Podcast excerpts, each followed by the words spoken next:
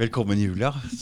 Du, jeg hørte en lyd utafor i gata her, og så hørte jeg en brummete motorsykkel, og så, så var det deg. Du tenkte det kan ikke være meg? Nei, nei, jeg tenkte nei, nei, det tenkte jeg ikke. For sist du sa du kjørte bil, eller du sa kanskje bare du kjørte. Og så kommer det inn den pene dama som kjører Ducati Monster. Jeg bare, Hva skjer her? Altså Skal en kjøre sykkel, så må det være Ducati, og det må være Monster. Og du vet, eh, på ettermiddagen nå i Oslo, så er jo motorsykkel det beste Ja, fremkomstmiddelet. det er helt klart. Altså, hadde ikke jeg hatt motorsykkel i dag, jeg også, så for den, i, dag, i dag vinner køen, altså.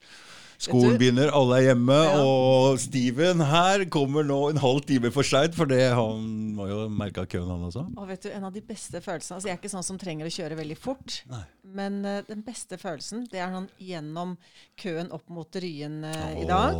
Så når du står mer eller mindre i begge filer, da, og så har jo den en helt vanvittig lyd, den ja, Ducatien min. da, ja, ja. Så jeg bare blom, blom, og så ser jeg bilene virke. Vet du hva? Altså, jeg, det er sikkert veldig barnslig, men da blir jeg helt lykkelig. Bare sånn OK, her kommer dronninga, og bilene må. Eh, det, er sant. Og spesielt inne i tunneler og sånn. Det hjelper. Og det gir sånn lyd, vet du. Ja, jeg har en KTM også, og den er litt uh, mer sånn brupp-lydig. Men den Ja. G6-R-en der, den, den, den Du vet, den har eh, styrken sin på 8000-9000 omdreininger, og da går det så fort at det Er det ikke Ducati, så kan det være det samme. Det var dagens reklame. Nok om det, Julia. Det, du kan jo si hva det heter. Det er Julia Ja. Steiner Benito. Er Ja. det både tysk og italiensk her? Du, eller hva? eh, Skreiner er pikenavnet mitt, og så er det Benito. Det er opprinnelig spansk navn som eh, tilhører min mann opprinnelig, da. ja. Så, Så, sånn er det. Ja, sånn klinger det. sånn klinger det, for det var litt sånn utenlandsk klang over det. Så, men, men ja, fortell. Du er journalist, og så mm, driver en avis. Ja, det er et nettmagasin som heter Helse, mat og livsstil, Hemali Ja. eh, forkortet. Mm, Og da vi startet det for et års tid siden, så skulle vi jo først og fremst formidle dette om eh, det fantastiske potensialet i livsstil for helse. mm. Altså I motsetning til medikamenter som typisk tar symptomene, så kan jo livsstil gjøre underverket for Det- helsa vår. Både for hode og kropp og sjel. ikke sant? Så eh, en lang, god stund så var det først og fremst det jeg skrev om. Det er fantastisk mye ny forskning, det er ny kunnskap. det er utrolige fagfolk innenland innland og utland som formidler denne kunnskapen, i motsetning til typisk skolemedisin, da, som gjerne holder seg til ja, hva skal jeg si, et litt snevrere bilde. Så sånn startet det, og så kom covid. Og i starten så var jeg lydig og litt redd og tenkte at jeg stoler jo på våre øverste myndigheter og denne nedstengningen og alle tiltakene. Ja, det er selvfølgelig for vårt beste. Mm. Og gradvis så kom det snikende flere og flere tegn på at eh, vent litt, her er det flere ting enn bare vår helse som, eh, som er viktig. Og dess mer jeg graver i det, dess flere fagfolk jeg snakker med hva skal jeg si, utenfor de etablerte, de som slipper til eh, hos NRK, i Aftenposten og VG osv. Dess mer jeg snakker med dem, dess mer jeg ser utenlandske fagfolk, dess mer forstår jeg at dette handler om så veldig mye mer enn folkehelse. Dessverre. Og da blir jeg jo brennende engasjert. Jeg blir engasjert, jeg blir sint, jeg blir lei meg. Og så prøver jeg å være en motstemme der jeg prøver å dytte i en litt annen retning, ettersom våre riksmedier eh, gjør særs litt av det. Det er fint. Det jeg det er fint, Julia. Det er um, kjempefint. Fordi folka her har stjålet at det er de som er empatiske. De, vi må, hvis vi tenker på hva slags konsekvenser det får rundt omkring i verden, det her, så det, får, altså, for, det er helt sinnssykt. Bare alle blir ramma på en eller annen måte. Og fra barn, idrett Det blir tatt fra Det var en periode her i fjor de tok all glede bort all idrett, all moro, alt, all glede var bare borte fra hele jordflaten. Altså. Det er helt eh, ko-ko, fordi vi har en felles bevissthet, mener jeg. Og det der er eh, Så vi blir prega av det, alle sammen. Og om det ennå hadde vært en god grunn, Mm, da skulle ja. vi jo godta Ja, det. ja, om det ennå var slik at vi så og hadde god empiri og Mm. godt vitenskapelig grunnlag for å si at det koster mer enn det smaker å ikke stenge ned. Ikke sant? Da hadde jo jeg ikke sittet her og diskutert dette med deg. Men uh, vi ser jo hvor tross alt hvor lite dødelig dette viruset er. da. Og når det gjelder barn og unge, så er det jo knapt dødelig i det hele tatt. Det betyr ikke at jeg ikke har all verdens ydmykhet og empati for dem som blir hardt rammet, og som uh, noen dør. men Altså, livet har aldri vært risikofritt. Og hva som er forskjellen på dette viruset og mange andre virus Jeg ser ikke at forskjellen er så stor at det forsvarer disse tiltakene som er de mest drastiske i fredstid. Nei, jeg skjønner heller ikke, men nå kom Steigan med en ganske god forklaring hvor han sa at han tenkte at Eh, det måtte skje noe, fordi økonomien var sånn og sånn. Og sånn. Og når jeg så artikkelen som ble lagt ut der seinere, så så jeg det var en som heter Tollef et eller annet, som har skrevet den. Så jeg ringte den, så jeg skal prøve å komme han har, eh, og forklare dette her. For det, det er ikke lett å fatte hva som foregår her, men noe mer enn et virus må det være. Ja, jo, Man havner fort ut i spekulasjoner, ja. og det er veldig mm. lett å, å plassere folk i liksom verdige og uverdige for tiden. Det er veldig lett å stemple folk som både anti-vaxxers og konspiratorikere. Mm.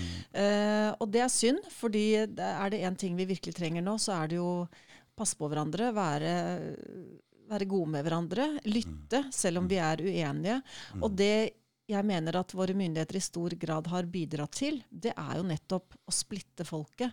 Først så kom frykten. Eh, når du ser liksom på retorikken, hva slags retorikk har våre myndigheter, våre helsetopper, beslutningstakere brukt for å, å, skape frykt, så er det en blåkopi av en sånn derre ja. For du er journalist, så du ser det litt på en annen måte òg, ikke sant? Jeg leser mye, mm. og jeg har virkelig prøvd å sette meg inn i dette. Mm. Så det du ser altså Det er jo forunderlig at disse strategiene de er jo dønn like fra land til land. Hvordan kan det ha seg? Altså Hvis du sammenligner Norge med Nord-Italia f.eks. Mm. Vi har helt ulik demografi, ulik alderssammensetning, ikke sant? bostruktur. Så at alle land skal ha samme eh, type tiltak og samme ord fra podiet til toppene, bare det er jo forunderlig. Nei, så Først var det frykten og denne retorikken en bruker for å skape frykt. Den er også veldig gjenkjennelig fra, land til land. Først så kom frykten. For du leser andre lands aviser òg? Ja? Jeg gjør jo også det. Og jeg mm. hører jo på fagfolk fra andre land. Og mm. jeg har satt meg litt inn i ok, hva skjer liksom World Economic Forum. Mm. Hvilken ja. rolle har mm. Norge der? Hvilke globale avtaler gjør at vi faktisk ikke har så mye nasjonal frihet? Vi liker å tro at Erna står fritt til å bare styre ut ifra norske borgeres interesse. Dessverre er det ganske naivt å tro nå, fordi her er det som sagt store globale avtaler dette ligger åpent, alle kan sjekke det. Mm. Jeg har skrevet flere artikler om det. Det er allianser, og det er ulike hatter, og det er store, store penger, og det er storpolitikk. I tillegg til at det forhåpentligvis er noe folkehelse også. Mm. Men eh, dette gjør at bildet blir komplekst, og dette gjør at det blir, eh, det blir lettere kanskje bare å lene seg tilbake og stole på våre myndigheter. Og når appåtil eh, våre riksmedier er såpass servile som de er overfor makta, da, Mm. så skjønner jeg jo godt, gitt at du er redd, og gitt at du stoler på myndighetene, som vi jo gjør i Norge, for vi har det ja, bra, vi er oljesmurt og har det mm, fint, mm. så skjønner jeg jo at de fleste holdt på å si, er lydige og, og følger, følger uh, de såkalte ja, ja, rådene osv. Men la meg, gi deg, la meg gi deg et bilde på en annen ting som jeg syns er særs bekymringsfullt i disse dager. Mm. Det er det faktum at noe så vakkert som god vitenskap som virkelig har brakt verden framover, det blir nå misbrukt. Det brukes som hersketeknikk. Både er det sånn at hvem som skal definere god eller dårlig vitenskap, det er ikke tilfeldig. Det er typisk sånn at har du makt, så kan du stemple de andre med såkalt 'dette er ikke empiri', 'dette er ikke god nok vitenskap', osv. La meg dra den litt videre og konkretisere det litt. Du husker kanskje at Trump, da han ble covid-19-syk, så fikk han en såkalt malariamedisin som alle lo av. Ivermectin, ikke sant? Ja, det var kanskje Ivermectin også. Så var det også hydroxoroklorokin. Veldig det var noe si. han sa, ikke sant? Ja. Og det fikk han så mye pep... Ja, ja. Bare prat videre. Mm. Ja. Mm. Nå skal jeg fortelle historien. Dette, dette mm. vet ikke folk. Mm. Fordi at våre riksmedier skriver ikke om det. Mm bakgrunnen for at hydroksoklorokin ble eh, demonisert, og til og med så sa helsetopper verden om at det ikke bare hadde det ikke effekt på covid-19, men det var farlig. Okay? Det var farlig. Ergo ble hydroksoklorokin parkert i skuffen som ikke, ikke noe vi kunne bruke i forbindelse med behandling av covid-19. Og hva, hvorfor kunne man si det? Jo, for det kom en studie. The Lancet det regnes som kanskje verdens fremste medisinske publikasjon. Altså så får du noe publisert i The Lancet, så går det gjennom utallige kontrollnivåer. Ingenting havner der som ikke er skikkelig vare. ok? Likevel så var det akkurat det som manglet her. Altså Den studien da, som liksom konkluderte at hydroksoklorokin ikke har effekt, den studien måtte de etter hvert trekke tilbake. Ingen medier i Norge eller noe annet sted som jeg har sett, skriver om dette. Og hvorfor måtte de trekke den tilbake? Jo, fordi leger rundt om i verden de begynte å si ja, men stopp en halv, skal vi se, hydroksoklorokin. De, I den studien så hevder de at det 90 000 deltakere og fem ulike land Det var ikke grenser for hvor stor den studien skulle være. Men eh, de, de tallene, de, det var rett og slett juks. Så som sagt, man måtte trekke studien tilbake, men da var skaden allerede skjedd. Hydroksoklorokin var parkert i skuffen. Noe vi ikke skal bruke, akkurat som Ivermectin, akkurat som Favipiravir. Dette er velprøvde, eldre medikamenter. Eh, hydroksoklorokin f.eks. I Afrika så kaller man det Sunday Sunday. Man tar det hver søndag som malariaforebyggende. Og som sagt, det har vært prøvd gjennom tiår. Altså til og med babyer får hydroksoklorokin. Og da hevder senere altså det blir, det blir, en lang historie, dette. Men for å få lov til å hastegodkjenne vaksiner Jeg, jeg vet det. ja, For å få hastegodkjenne vaksiner for i den rasende tempo, til og med med ny teknologi som nå har skjedd, så må du først kunne vise at her fins det ikke eksisterende gode medikamenter som kan behandle covid-19. Og hva gjør man så? Eh, jo, eh, man starter en studie som heter Solidarity. Bare navnet. Det er, det er jo så paradoksalt som det kan få blitt. Hva har dette med solidaritet å gjøre? Men ok, Jon Ane Røttingen han er norsk, og han eh, tidligere direktør i Forskningsrådet. Han ledet den studien. Den studien hadde altså som mål å søke å finne ok, fins det eksisterende medikamenter som kan behandle covid-19, eller gjør det ikke. Og så er det en norsk lege som heter eh, Peter Dvergsdal. Han melder fra i forkant av studien, så sier han hold stopp en halv. Hør, hør, på meg. Hvis dere skal teste disse medikamentene, så må det gjøres tidlig i sykdomsforløpet. Hvis pasienten allerede har havnet på sykehus, så er det for seint. Hva tror du de gjorde? De, de testet likevel, de hørte ikke på Peter Dvergsdal, de testet medikamentene, disse velprøvde, eksisterende, billige, meget effektive medikamentene, testet dem på sykehuspasienter. De fungerte ikke. Ergo kunne de konkludere at nei, her har vi ingenting som fungerer mot covid-19. Ergo kunne vi hasteinnføre vaksinene. Og nå, nå Fordi det er ikke penger å tjene på Ivermectin og hydrokloroksin. Fordi de er, de, er, de er, såpass gamle at ja. uh, de, patenten har gått patent, ut. Ja, patenten ja. har gått ut. Så nå må jeg bare bite historien i halen, da. Det er hva jeg mener med at forskning, altså begrepet god forskning, god vitenskap, blir misbrukt. Mm. For nå hevder man at det er god forskning bak disse hasteinnførte vaksinene. Og så hevder man at det ikke er god forskning bak disse velprøvde medikamentene som mennesker har brukt gjennom tiår av millioner. Mm. Det er hva jeg mener. Mm. Og dette med nei, det er ikke forsket nok, nei, det er dårlig forskning osv. Det kastes ut. Eh, det er litt som sånn Det er latskapens hersketeknikk. Akkurat som å kalle folk antivaxere og konspiratorikere fordi at de viser skepsis både mot vaksinene og mot alt det som skjer nå. Men det er helt klart at det er Big Pharma som står bak det her? de har mye makt, og dette er så mye penger det er prat om her, at det er Vaksiner er jo det mest lønnsomme de kan drive med. De trenger ikke å drive med mange år med forsøk for å få dette godkjent, sånn at de ikke skal få erstatningskrav etterpå. ikke sant? Nå tar jo staten ansvaret. Staten kjøper inn. Altså, det er jo en gullgruve.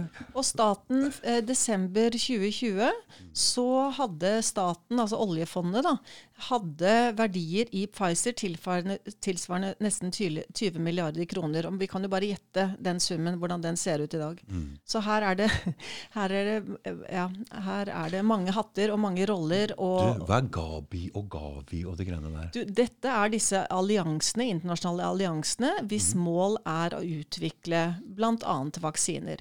Så Norge har jo støttet både Gavi og Gabi med jeg vet ikke hvor mange milliarder. Så Mye, ikke sant? mye. Og dette skjedde jo Ja, øh, jeg husker ikke når. Men det er i hvert fall slik at når du dykker ned i disse ulike avtalene, så ser du at liksom våre vår regjerings makt i å håndtere dette nasjonalt ut fra norske forhold, den er svært begrenset.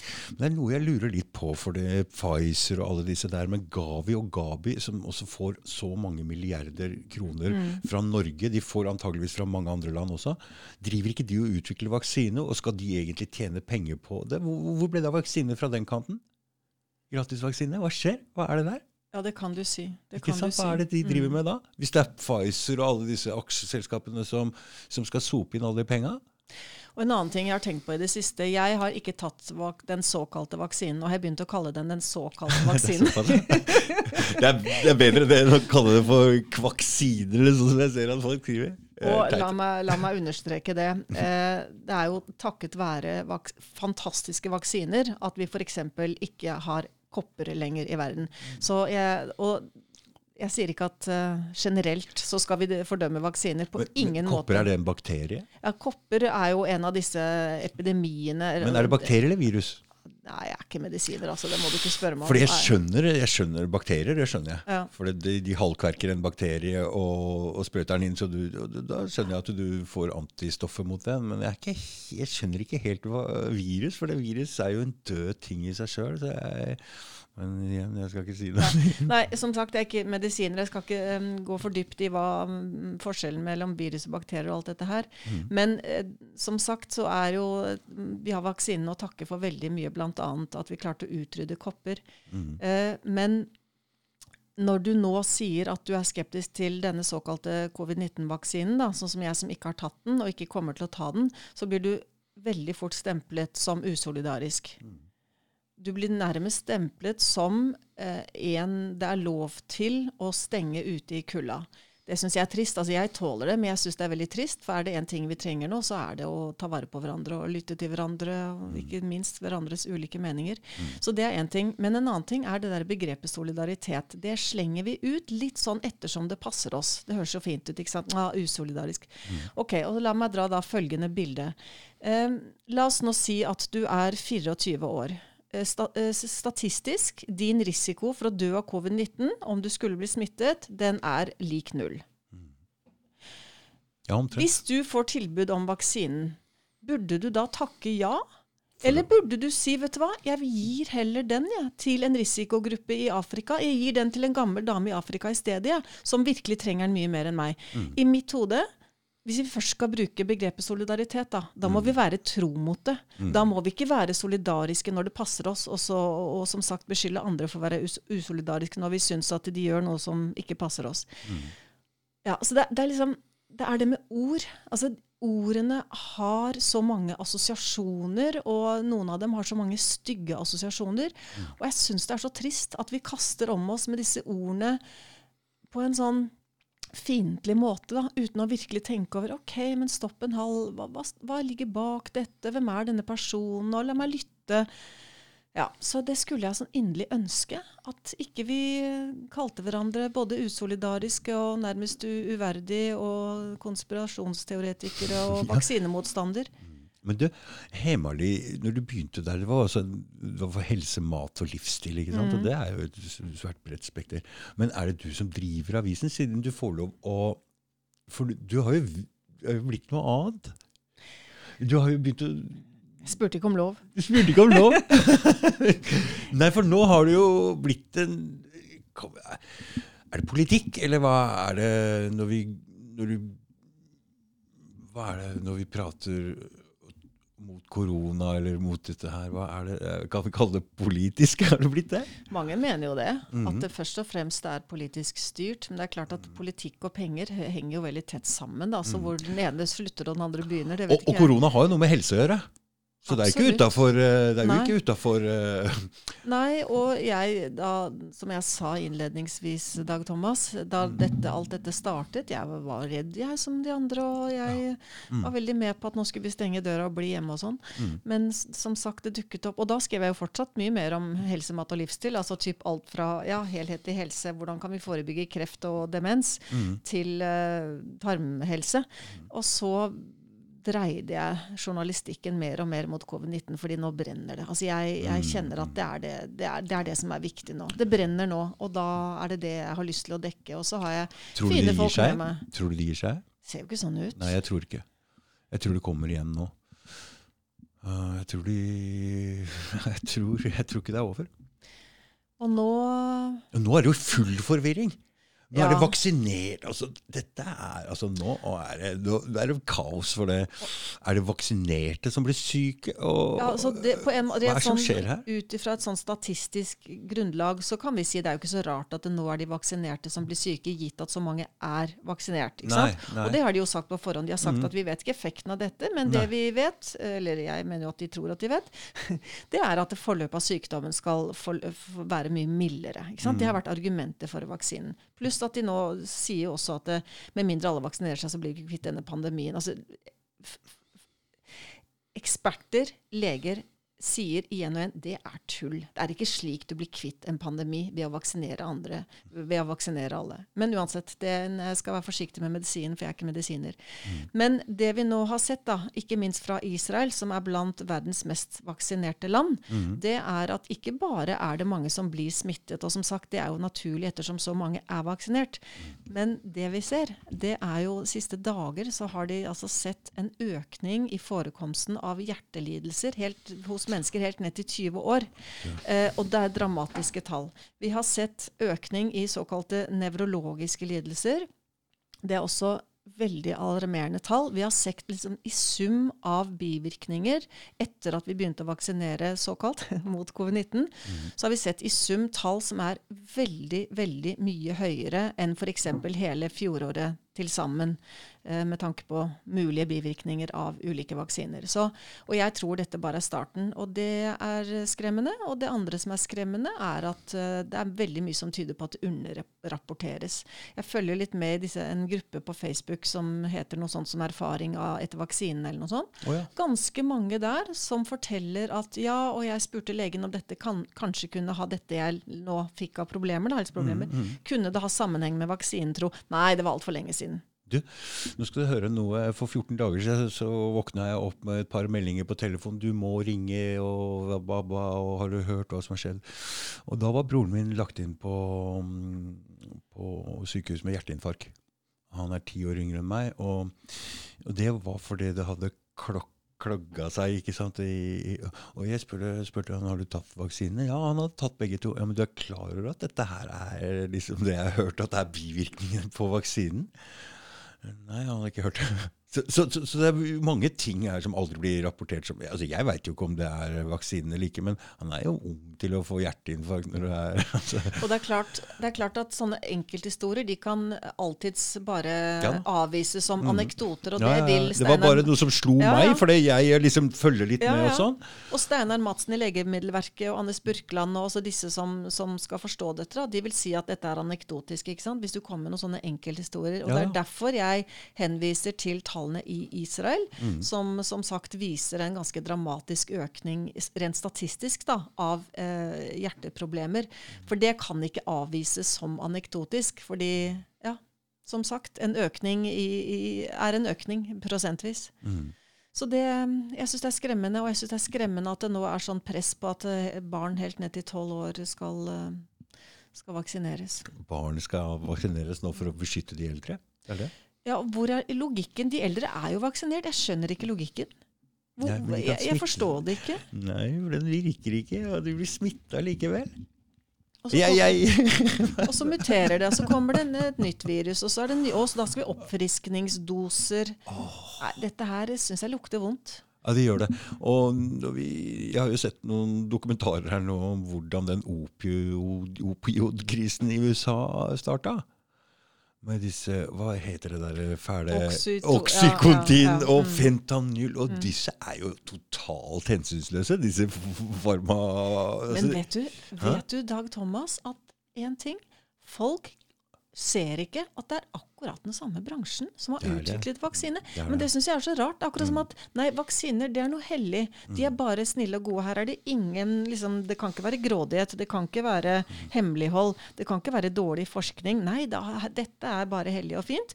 Mens eh, legemiddelindustrien i andre sammenhenger kan vi godt fordømme og si at ja, fader, de er så grådige, og de ja, jukser med forskning og Ja, for Men de har blitt sagt, dømt, akkurat- og, og de er helt rå. For det jeg så i den dokumentaren der, istedenfor at de skulle bli dømt De gikk altså inn og påvirka kongressmedlemmer med penger, og så forandra lovsystemet isteden. Og de Ja. er helt rå! De er helt Ja. rå der nede, altså. Nå hører det heldigvis med til historien at uh, det var vel kanskje bare første av en rekke søksmål, men da ble de faktisk dømt til over hvis ikke jeg husker feil, over 70 milliarder kroner. Ja, de må betale i- penger, ja, men det ja. blir aldri noe rettssak ut av det. Altså, De blir jo ikke dømt, så det er bare noen forlikgreier. ikke sant? De får en bot, og du vet at disse bøtene det bakes jo inn i markedsbudsjettet til de ulike selskapene, så vidt jeg har forstått. Så det sier jo litt. Og det er jo ingen som har fått så mange bøter gjennom historien som disse selskapene. Og jeg mener ikke å si at de er noen eh, grådige sjarlataner alle sammen. Mm. På ingen måte. Det er helt sikkert fantastiske fagfolk og med all verdens gode intensjoner som jobber i disse selskapene. Flotte forskere. Men det jeg synes å se, det er at det blir mer og mer styrt. At det blir mer og mer hemmelighold. At uh, forskningen styres ikke ut ifra åpen, god vitenskapsteori. Altså, vitenskapen skal per definisjon være fri.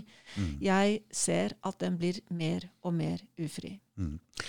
Jeg tror jeg eh, Hvis du husker den Event 201, den som var en sånn prøvegreie, var i 2019, rett før utbruddet, så var jo næringslivsledere og statsledere og for, altså for Facebook og alle disse, og kjørte en sånn simulasjon av, eh, av en pandemi.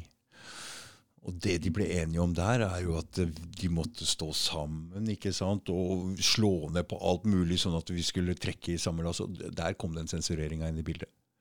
Og når det først begynte da, så begynte den sensureringa så voldsomt. Og du veit jo sjøl hvordan det ble til og med presidenten i USA. Og han gjorde egentlig et lite forsøk der for å slå et slag mot Pharma med Ivermectin og hydrokloroksin. Det var det han egentlig gjorde vet du, når han nevnte de tinga. Så, men det er klart det blir helt totalt sensur. Og, men det som skjer når det er sensur, er, da blir jo folk jævlig nysgjerrig, I hvert fall jeg. Jeg også. Så det virker mot sin hensikt. Og så, så, så, så Det er derfor vi ser den merkelige altså 2020 har vært et så merkelig år. Det var, Men jeg er redd for at det ikke virker mot sin Altså, det virker også mot sin hensikt, men På- på først noen, og på noen. Ja, på noen, Mm, men vi mm. er i særs fåtall. ja, vi er, Og I jeg, Norge, ja. Jeg for, i, I Norge. Og jeg forstår godt at folk stoler på riksmediene, stoler på Erna, stoler på Høie. Og jeg sier ikke at alt det de skriver og alt det de sier, snakker om fra det er bare tull og tøys. På ingen måte. Men bildet er så mye mer komplekst, og det er så mye større. Det er så mange fagfolk som sier stikk motsatt. Og et tips til lytterne. Eh, hvis du er i tvil? Det er sikkert lett å tenke at det vi snakker om nå, Dag Thomas Nei, vi er bare langt ute på den ene sida, og vi er i kaninhull, og hva, hva det nå enn går an eh, tenke, da. Så anbefaler jeg sterkt en eh, nettside som heter America's Frontline Doctors. Det er eh, en frivillig medlemsorganisasjon. eh, som eh, ulike, en rekke fagfolk og forskere står bak. eh, leger. Mange av dem har fått fyken, bl.a. fordi de har gitt hydroksoklorokin til sine pasienter. Så der er det fantastisk mye god kunnskap. Der er det videoer, der er det forskning. Og så kan man selv se. Mm. kan man lytte, og så kan man lære, og så kan man gjøre seg opp en mening. Fordi en ting er helt sikkert, det fins flere perspektiver enn dem vi til daglig får servert fra våre riksmedier. Og det er helt sikkert. Men uh, altså, tiltroen til media i Norge er ganske stor. Altså, jeg, har en, jeg hadde inn Petter Amundsen her på, på om, fortalt om den fantastiske skatten som han fant i Shakespeare-skrifter. Husker du den serien som gikk på BBC og NRK? Nei. Og så prøvde jeg å fortelle dette her til en venn av meg. Om, og, så, og historien er så fantastisk. Han bare sånn nei, nei, nei, hvis det der hadde vært sant, da hadde det stått i avisen. Så folk har eh, tiltro til media her i Norge, men én ting er sikkert, media mista mye av makta si i 2020. Kanskje ikke så mye i Norge, men i USA altså, De tror ikke veldig mye på media lenger der. Og det er ikke rart, fordi med så mye sensur og så ensretta propaganda Det er uh, og noe av det verste her, som disse legene bak America's Frontline Doctors uh, snakker mye om, det mm. er at uh, hvor mange tusenvis av mennesker dør av covid-19 nettopp fordi de ikke får den behandlingen. Mm. Fordi rådet det gjelder, altså Dette er skandale. Dette mm. er intet mindre enn en skandale. Det gjeldende råd rundt om til covid-19-pasienter er ikke gjør noen ting før du eventuelt blir så syk at du havner på sykehus. Da kan du bare håpe én, at du har råd til den sykehusplassen. Mm, mm. To, at det fins en sykehusplass. Okay? Det er det gjeldende rådet. Mm. Ingen snakker om immunforsvar.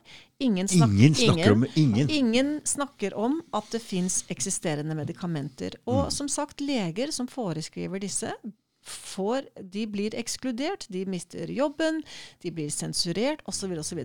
Og jeg har kommet i kontakt Hva skjer med det der? det er så, altså Dette er jo forbrytelsen. Forbrytelsen er ikke å ta deg det munnbindet. Forbrytelsen er at mennesker dør og lider fordi de ikke får den tidlige behandling som eksisterer.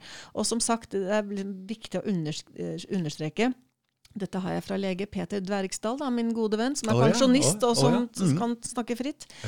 Han understreker det at den behandlingen må skje tidlig. Hvis du har havnet på sykehuset, så er det for seint. Og det igjen, for å knytte det til den studien jeg snakket om da, mm. Så egentlig burde alle hatt en sånn liten nettopp, dose hjemme? Nettopp. Alle burde hatt noen doser i medisinskapet av mm. uh, disse velprøvde, eksisterende, mm. trygge medikamentene som har effekt. Er det kinin i, i, i hydrokloroksin? Er det det der? Det vet jeg ikke. Du må ikke spørre meg altfor medisinsk her, altså. jeg lurer på om det er det, Selv. Ja, det vet jeg For det er mot malaria? Det er mot malaria. Så det er litt tonic og gin, ikke sant? For de drev og drakk det. Tonic og gin det var jo så populært blant engelskmennene når de var der nede. vet du. For det er noe i den der. Ja. Ja, Det kan godt tenkes. Nei, så dette er, dette er, et budskap vi bør eh, jobbe for å få ut. Det fins eksisterende medikamenter. Og, altså, jeg er så glad for at du er på dette laget her, Julia. Du er så ordentlig og flink og så, takk.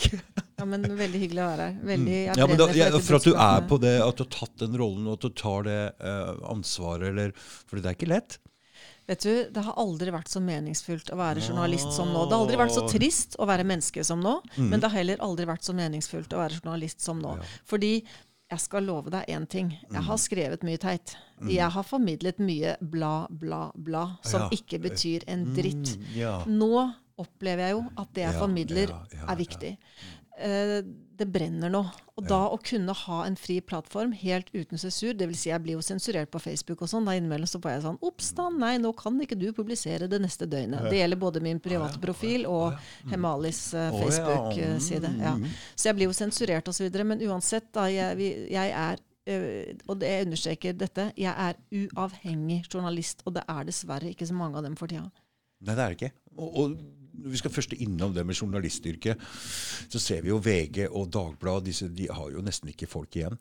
For de har jo ikke penger. De selger jo ikke aviser, de tjener jo ikke penger. så jo ikke, Folk har jo ikke tid til noe annet enn å bare trykke, oversette noe fra NTB eller bare Det går, det går forbløffende bra for Skipsted, faktisk. Oh, ja. De har mm. virkelig klart den omstillingen til eh, digitale oh, ja. plattformer. Mm. Og de har jo um, produkter og Vektklubben og shop hos Aftenposten. Så Skipsted går det bra med, men det folk ikke vet, mm. det er jo at uh, Wall Street er jo en viktig eier av Skipsted. Vi tenker også at liksom ja, her i Norge det er liksom norske interesser, og det er nært og kjært og tett og gamle tradisjoner og skipssted. Nei, nei. Wall Street eier til stadighet mer og mer, og bl.a. skipssted. Så at våre medier ligner på medier i andre land, at man uh, publiserer, formidler mye av det samme, det er ikke så rart. For det er veldig mange av de samme eierne på toppen. Som, ja, Men NRK, det er jo ikke bedre, ja, de? Det har jeg tenkt mye på.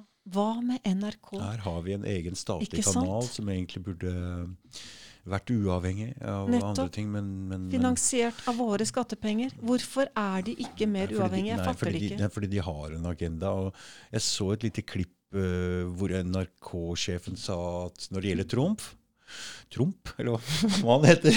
Trump. Så skal vi ikke være nøytrale. Fordi han er en narsissist. ok? Men det er flere agendaer her, og det er jo integrering. altså De, de, de støtter altså opp om regjeringa.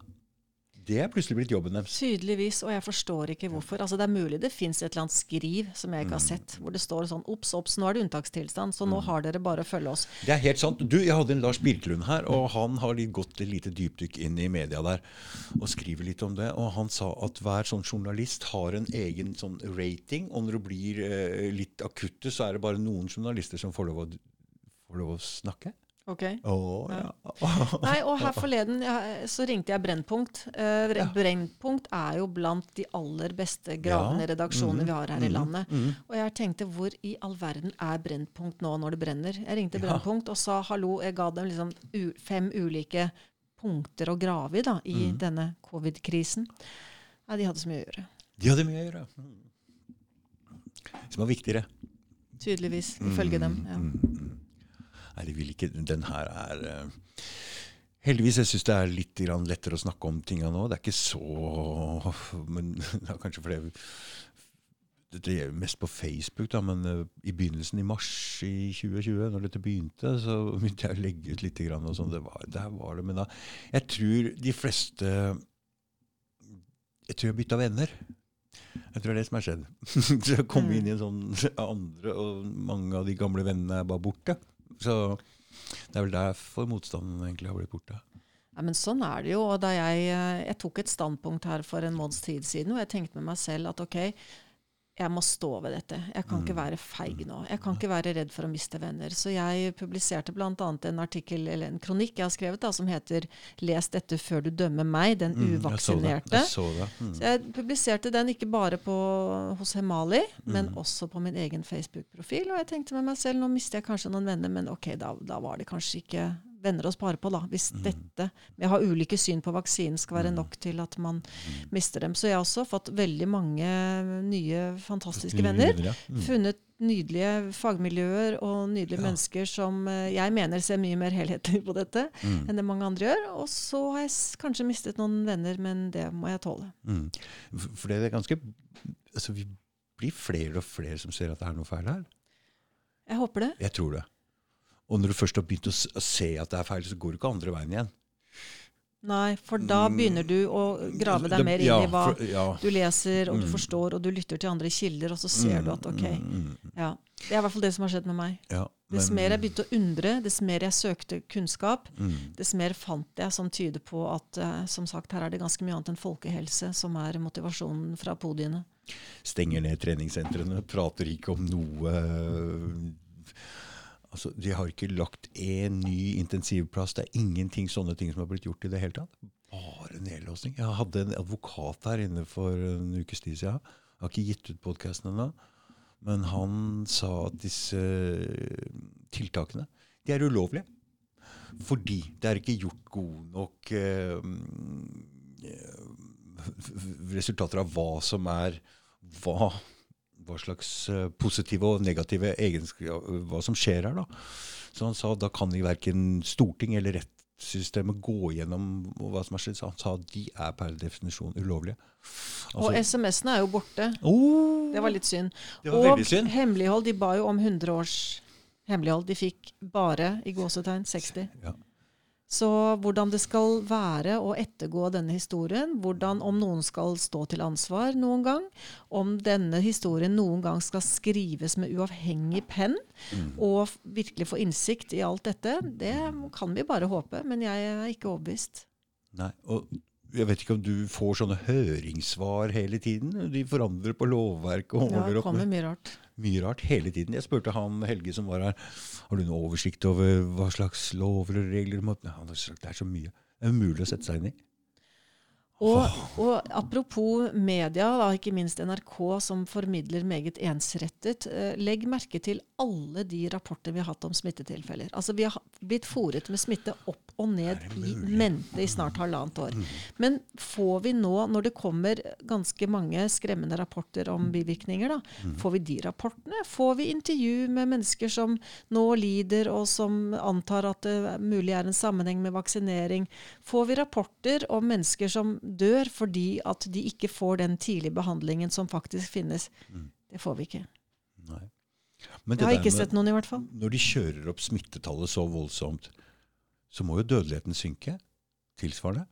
Får vi disse tallene nå, eller hvor, hvor mange som egentlig har vært smitta? Det kan ikke være rare dødeligheten igjen her. Nei, det er det jo ikke. Og disse tallene ligger jo der, så man kan gå inn og sjekke dem. Og det er jo ikke har det vært veldig dødelig, dette viruset i Norge. Ikke har det vært veldig dødelig i andre land heller, selv om media liker å gi oss det inntrykket. Apropos frykt. Jeg Ja. tenkte på noe, for jeg sto og prata med noen på jobben her, og, så, og, han, og så ble jeg litt interessert, for det sa jeg drev med podkast, og det var sånn koronakritisk og sånne ting. Og så sa han, og så sa han men det er veldig rart at influensaen har blitt borte, da, sa jeg. Sa han. Jeg sa ja, ja, ble skikkelig ivrig og sånn. ikke sant? Skjønner du at det, det er det samme, eller? Nei, nei. Det var fordi vi hadde vaska så mye på hendene, Sånn. Og så, så, så, så derfor så er influensaen borte. Men det er jo ikke mitt inntrykk. Altså, jeg, det er jo det, altså, Jeg mener jo at de dør, de som dør ko- korona, altså det er influensaen. Det må det være. Det kan ikke plutselig bli borte. All influensa er borte. Altså, Nei, jeg skal være forsiktig med å uttale meg om hva, hva er hva, og hva vi dør av for tiden. Men noe skal vi dø av, det er helt sikkert. Og de aller fleste som har dødd av covid-19 såkalt i Norge, da, det er også usikkert av hvem dør du av covid-19, dør du med Mm, covid-19, hvor mange underliggende sykdommer har du? Mm. Noe skal vi dø av. Og de aller fleste som har dødd i Norge, som sagt, det er jo det er jo heldigvis eldre mennesker. Um, så ja, det er, det er så mye som skurrer. Det er så mye altså, det er, Ja, det er veldig mye som skurrer. Det er liksom hver eneste ting, men hver eneste ting så klarer de å forklare Ja, det er derfor, da. Ja, på grunn av lockdown. Det er Ja, derfor, og det, derfor altså- det er, det, det, Ja, og- hele tiden de klarer å vri på det. Ja, for det er det vi hører. Vi får jo høre at ja, men grunnen til at det har vært så få dødsfall i Norge, er fordi vi har gjort alle disse fine tiltakene. Ja, ja, Men vet du hva? Det vet de ikke. Nei. Og de vet heller ikke hvilke Ok, la oss nå si at noen av tiltakene fungerer. Det kan godt tenkes, men denne forskningen, det, disse dataene har vi ikke ennå. Dette er jo nytt, ikke sant? Og la oss nå si at det var noen tiltak som fungerte. Vi vet ikke hvilke. Nei. Så når de nå er så fremstår så skråsikre da, i at fordi liksom en, et nytt tilfelle på Trøgstad, så må vi stenge Trøgstad. Altså, så, så vet de jo ikke, eh, som sagt, hvilke tiltak er det som fungerer. Det er også stor usikkerhet knyttet til eh, bruk av maske. Det er stor usikkerhet knyttet til disse PCR-testene. PCR ja. Mm. Som sagt, det er så mye som skurrer, og jeg, bare, jeg må bare prøve å holde meg fast i det eh, gode og i, i kunnskap som, eh, som er bred og ikke smal, og håpe at når vi en dag kommer ut av dette, at vi skal være venner på den andre siden av dette. Det er viktig. Mm. For det skaper, det, jeg har aldri sett en så splittende debatt eller noen gang. Nei, og apropos splittende debatt, du så kanskje Svein Østvik på Debatten her i våres. Ja, ja, ja. Eh, Mm. Jeg syns han klarte seg fint, men det er klart at å stå alene med fire fagfolk som kommer og går, er jo ikke så lett. Og mange eh, hånet ham. Eh, han sa til meg eh, i et intervju at hadde det ikke vært for at jeg er så sterk psykisk nå, så hadde jeg gått og drukket meg drita etter den sendingen. Det er den verste sendingen jeg noen gang har vært med på. Mm.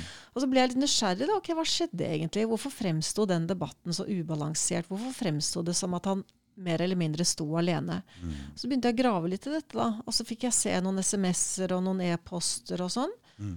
Og så forstår jeg da ut ifra disse SMS-ene altså Dette er fakta, dette er ikke min synsing. ikke mine konspirasjoner. Mm. Og så så jeg at ja, men dette var jo ønsket. For eksempel så har jo da Svein sendt til vaktsjefen i NRK i forkant av debatten, så, så kommer han med tre forslag til eh, fagpersoner som kan, liksom, om ikke Hjelpe stå han, fullt ja, og helt ved hans side, så i Ja. hvert fall eh, støtte mye av det han eh, forfekter. da. Tror du noen av de tre jeg spurte dem, tror du noen av de tre ble kontaktet av NRK i forkant av debatten? Nei. Nei. For det var det vi kaller feige lag. ikke sant? I gamle dager. kjøre opp Svein der aleine mot, og så etterpå sende han ut, og så sitte og diskutere det der. Og så kalte de det folkeopplysning. Nei, det var ikke debatt, sa de. Mm. Til sitt forsvar, da. Nei, det var ikke debatt, det var folkeopplysning. Mm. Hallo. Altså det, det etterlatte inntrykk var helt klart at Mm. dette var en debatt, og det var én mot tre, eller var det fire? Det husker jeg ikke. Mm. Og fagfolk, og bare en eller annen privat, sivil fyr som Svein. Og ikke bare kunne de hevde at det var eh, folkeopplysning, de kalte det det, men de kunne også hevde at ja, men vi syns det er så fint å bringe inn en fra folket. De skal liksom fremstå edle og hederlige ved å si se, vi slipper folket til. Ja, Men hva var målet da? Jo, det var vel sannsynligvis, så vidt jeg kan se, det var jo å håne såkalt representanten fra folket. Etter det fikk du ytterligere splid, ytterligere hat, ytterligere hån. Og det er da jeg sier at jeg håper bare så inderlig at vi er gode venner når dette forhåpentligvis er over en dag. Hvor mange er vi som tviler på dette her nå? For jeg prater jo Jeg, jeg jobber jo liksom litt mer blant mye utlendinger og litt sånn på et litt sånn lavere nivå, da, kan du si. Ikke sånn, Du mener jeg er det høye nivået, og du er det lave? Ja, men jeg har liksom jobba blant asfaltfolk, blant uh, sjåfører, sånne ting. da. altså, og mange av dem tror ikke på det viruset i det hele tatt. Ok? Så, De tror på viruset, men ikke at det er så dødelig. Nei, altså de ser at det er noe tull her. Mm. Så de bare rister på huet og masker. Kanskje det er det og- vi kaller sunn fornuft? Kanskje vi er blitt så liksom akademiske og så har så stor tiltro til såkalt makta i Norge at vi har sluttet å tenke selv? Kanskje det er der det ligger? Men mye av disse folka er jo utlendinger òg. Altså, Ja, og Polakker og litauer og sånne ting. Så det, det liksom Og blir- kanskje er de vant til å ha en sunn skepsis mot makta, som vi Ja. kanskje har litt Mm. for lite av i Norge. Altså, jeg sant. skjønner ikke hva som skjedde, for i 72 da sa vi nei til EU. Da var vi liksom fortsatt det lille opprørske folket som turte å gå en annen ja, vei. Ja, ja. Hva skjedde? Hvor, når ble vi altså Det er jo forskning som viser at vi, Norge, er det mest lydige på Ja, denne jord. ja, ja. Konforme, lydige og meget eh, Hva skal jeg si? Vi, vi, vi legger sensur på oss selv. Vi skal ikke ytre veldig langt utenfor eh, stien. Mm, mm.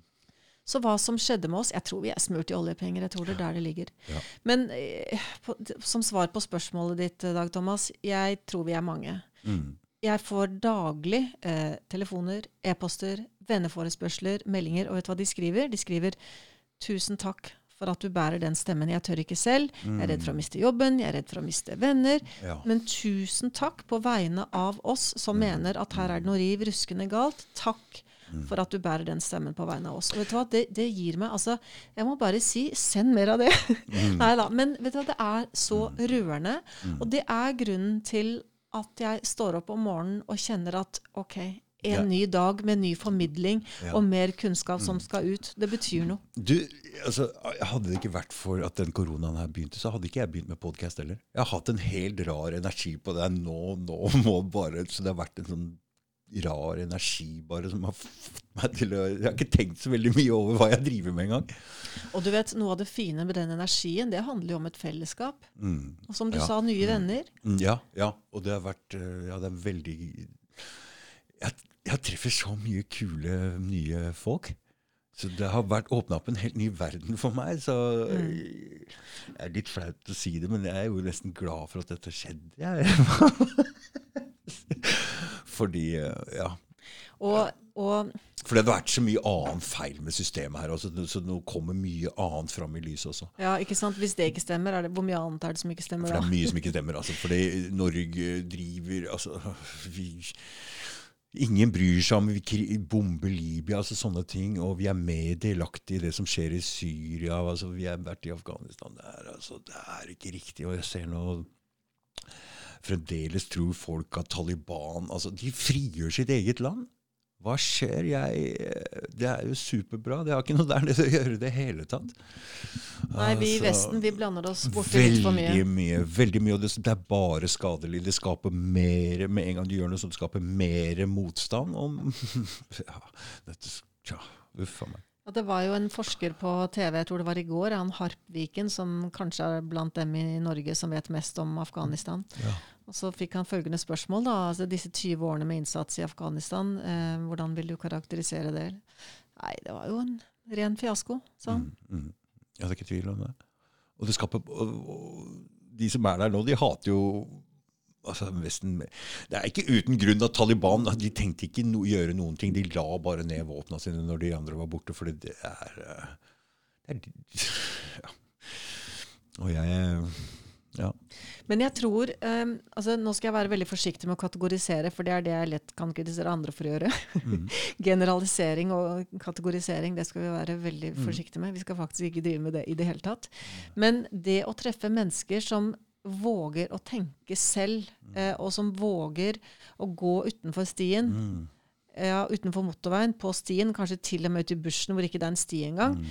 det er veldig ofte spennende. Er det det vi kaller fritenkende, kanskje? Altså, jeg tror ja, det er noe mm. av grunnen til at ikke bare liksom digger jeg de nye vennene jeg har fått, men jeg er så fascinert av dem. Jeg er så fascinert av det at de virkelig tør å si noe annet. Dette er så viktig å ha sånne stemmer. Det må et samfunn ha. Men det er fine folk òg, vet du. Mm. Det er fine, fine folk. Mange av dem har vært ute mange stormnetter. Mange Mm. av dem har, har blødd. Mange av dem har gjennom liksom egen erkjennelse og egen visdom kommet til en sannhet som ikke du får fra pressekonferansene. Mm, Det, virker, ja, det, det er sant, for de fleste har fått Det er en eller annen grunn til at de tenker sånn, og det er som regel noe personlig som har skjedd. Så de har fått en liten så, så de begynner å tenke litt annerledes. Det er veldig spennende. Og, men et samfunn trenger det. Vi kan ikke at alle mener altså Vi må ha motstemmer. Vi må passe altså, Regjering og de som styrer, de må passes på. Men vi kan ikke bare ta bort alle andre stemmer. Da fungerer ikke samfunnet. Det Du og du, hvor mye lettere det er å styre et folk som eh, går, i, går ned den samme gata. Og det har vi jo gjort ettersom vi har vært så redde. Mm, men at media ikke heller passer på de som har makta, men de driver og slår ned sånne som har motstemmer, det er jo helt motsatt av hva de skal. Ja, Du vil ikke tro alt som jeg, når jeg, jeg publiserer på Facebook og sånn. Du vil ikke tro hvor lite som skal til nå for at det blir kalt eh, ja, fake og ja, Ja, for at det forsvinner. ja, Nei, det er sensurens tid. ja. ja. Facebook. Men de holder, ut, de, de holder seg akkurat innafor, og folk har ikke forlatt Facebook ennå, men nå så jeg at YouTube får et lite problem nå. For det er én videokanal som det ikke har vært lov å linke til engang på, på Facebook, og det er Rumble.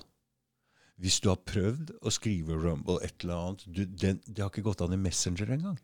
Mens alle de andre, altså Bitchute, alle disse, for, for de er fremdeles uh, sensurert, mm, nesten alle disse.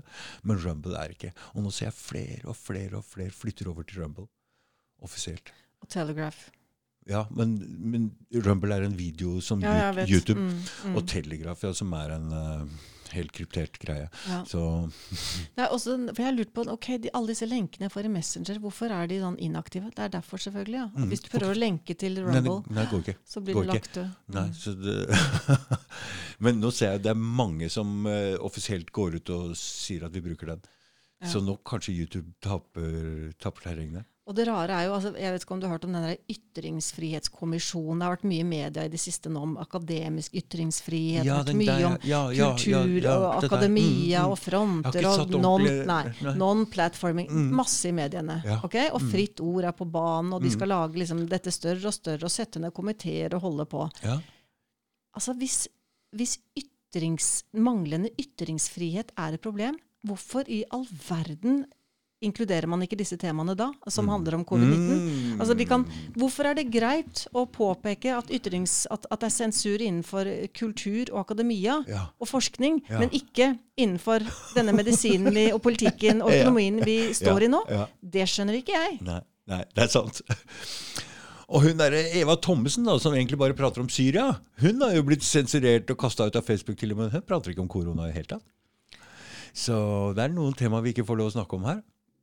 Så den kulturdebatten der, den ble liksom litt på kanten, syns jeg. Og det helt, øh, jeg syns ikke det var så interessant heller, men skal ha mer kaffe? Kan ikke jeg få en snus av deg, Steven? Har du ikke snus? Jeg har én igjen. Å ja. Det er bra. Jeg er blitt snusavhengig, ass. Det er En- verre enn verre enn, øh, røyk. Bare presisere, det heter telegram, er det Telegram, ja. Telegrammet. Ja. telegrammet. Mm, mm, mm. Å jeg sa jeg telegram? Å ja, sorry. Det er bra du hører. Det er bra du lytter og korrigerer. Han følger med. Mm.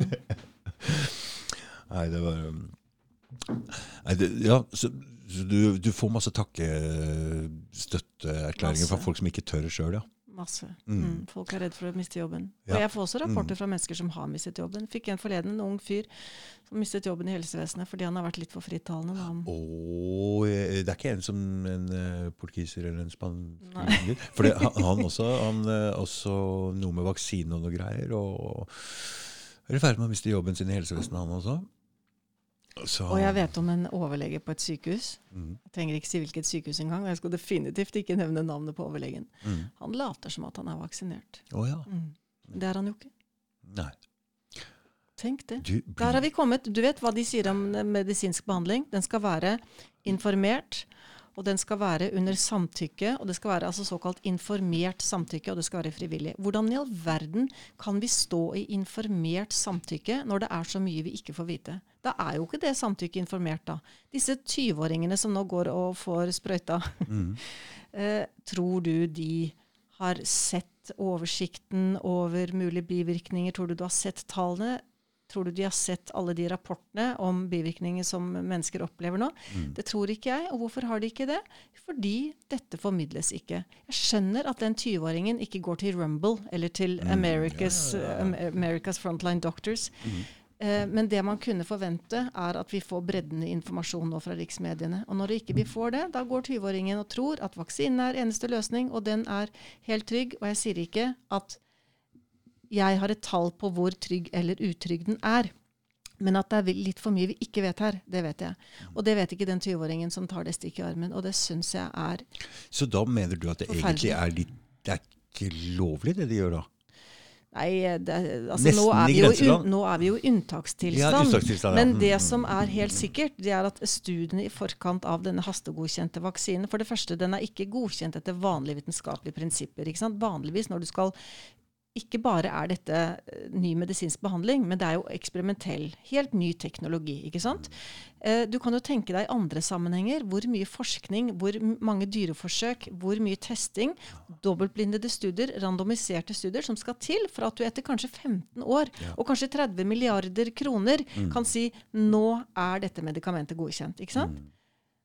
Og hva skjer med denne vaksinen, da, som er blitt eh, hastegodkjent, og som vi til dels ikke kjenner innholdet i, altså i vaksinene, fordi at Legemiddelverket presenterer jo først og fremst det de får fra produsenten. Mm.